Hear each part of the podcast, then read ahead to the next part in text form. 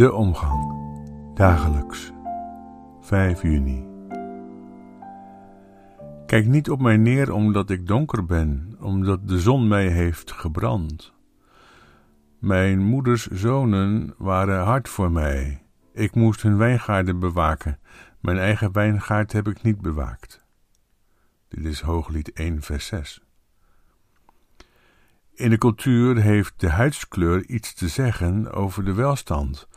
Er waren tijden dat zongebruinde mensen vooral die mensen waren die op het land werkten, dus werk van minder allooi moesten doen, terwijl de blanke mensen blank waren omdat ze uit de zon bleven, binnen in de paleizen en kastelen zaten, en een blanke huid dus een teken was van rijkdom en macht.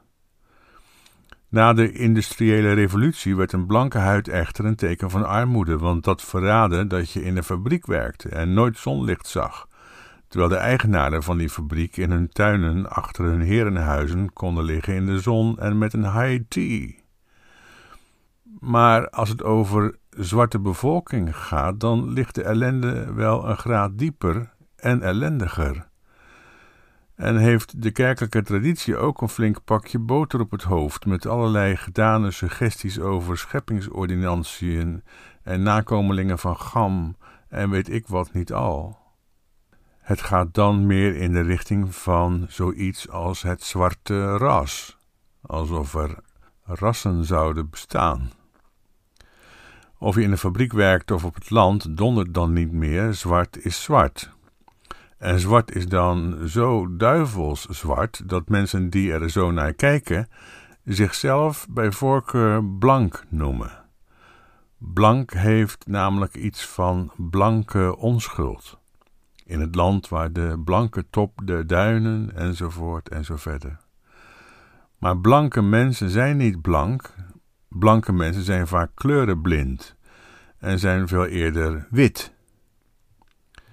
George Floyd, die naam zullen we niet vergeten. Toevallig is het moment gefilmd dat de witte politieman zijn knie op de nek drukte van deze zwarte medeburger, handje in de zak, alsof het dagelijkse routine betrof. Om hem in de boeien te slaan? Nee, gewoon. Ook nadat de arrestant had geroepen dat hij geen adem kon krijgen? Ja, gewoon. Ook toen de arme George Floyd voelde dat hij dit brute geweld niet zou overleven en hier op straat door een overheidsdienaar werd vermoord en om zijn moeder begon te roepen? Ja, gewoon. En de agenten die eromheen stonden, grepen die niet in en lieten die dit gewoon gaan? Ja, gewoon. Dus dat filmpje ging viral, want zo gewoon is het helemaal niet en mogen we het ook niet vinden. Machthebbers hebben niet alleen de macht, maar hebben ook een hekel aan het moment dat het geweld dat het systeem in zich bergt als de kop van een monster zichtbaar wordt en zichtbaar blijft. Zo in ons brein etsend dat mensen het beeld niet meer kwijtraken en dan gaan roepen om gerechtigheid naar zoveel onrecht. Want dat jouw leven minder waard is omdat je niet wit bent, is onrecht. Dat is geweld. Onze premier vertelde gisteravond in het debat dat hij van mening is veranderd over bijvoorbeeld Zwarte Piet en dat hij racisme ook in ons land is gaan beschouwen als onrecht en dat Zwarte Piet daar een systemisch onderdeel van is. Ik vind dat moedig. Je kunt zeggen too little en too late, en dat is het ook, denk ik, maar er is wel iets gaande dat we niet te snel moeten wegwijven. Premier Rutte heeft beloofd met die organisaties in gesprek te gaan die opkomen voor recht, daar waar ook in ons land racisme bestaat. Hij is bereid om te luisteren en dat zouden meer mensen moeten doen. Rabbijnen zeggen namelijk dat luisteren alleen dan zin heeft als je bereid bent te veranderen. En als je die bereidheid niet hebt, dat het dan geen enkele zin heeft om te gaan luisteren. Ondertussen zijn er overal demonstraties die begonnen in Amsterdam op de Dam.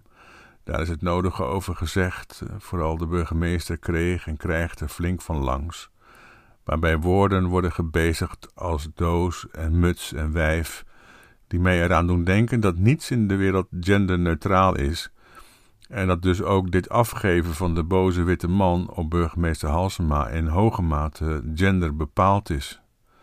Of, om het in begrijpelijk Nederlands te zeggen, regelrecht seksisme. ook een systemisch kwaad dat wel op hetzelfde vlak ligt als racisme en homohaat, om het maar niet te hebben over antisemitisme. En dus precies de reden waarom deze manifestatie nodig was en is. De demonstraties in Amerika tegen de brute moord op George Floyd gingen nogal eens gepaard met plunderingen en geweld. Ik denk dat de zwarte bevolking na eeuwen van repressie en onderdrukking daar niet onderuit komt zonder gebruik van geweld. Helaas, het heeft niet mijn voorkeur. Maar wat wij daar ook van vinden, we moeten wel leren bedenken dat er in zo'n situatie drie vormen van geweld bestaan. De eerste vorm van geweld is die van het geweld van het systeem. De tweede vorm van geweld is die van de slachtoffers daarvan, slachtoffers die in opstand komen en zich ertegen verzetten. De derde vorm van geweld is het geweld van de politie en het leger, die proberen de opstand neer te slaan en de kop in te drukken. Nu wordt die derde vorm van geweld meestal gerechtvaardigd door de tweede vorm van geweld steeds nadrukkelijk te noemen en in beeld te brengen, en daarbij de eerste vorm van geweld te verzwijgen. Daarom moeten wij ons voornemen de naam George Floyd niet meer te vergeten. Bedankt voor het luisteren en tot maandag.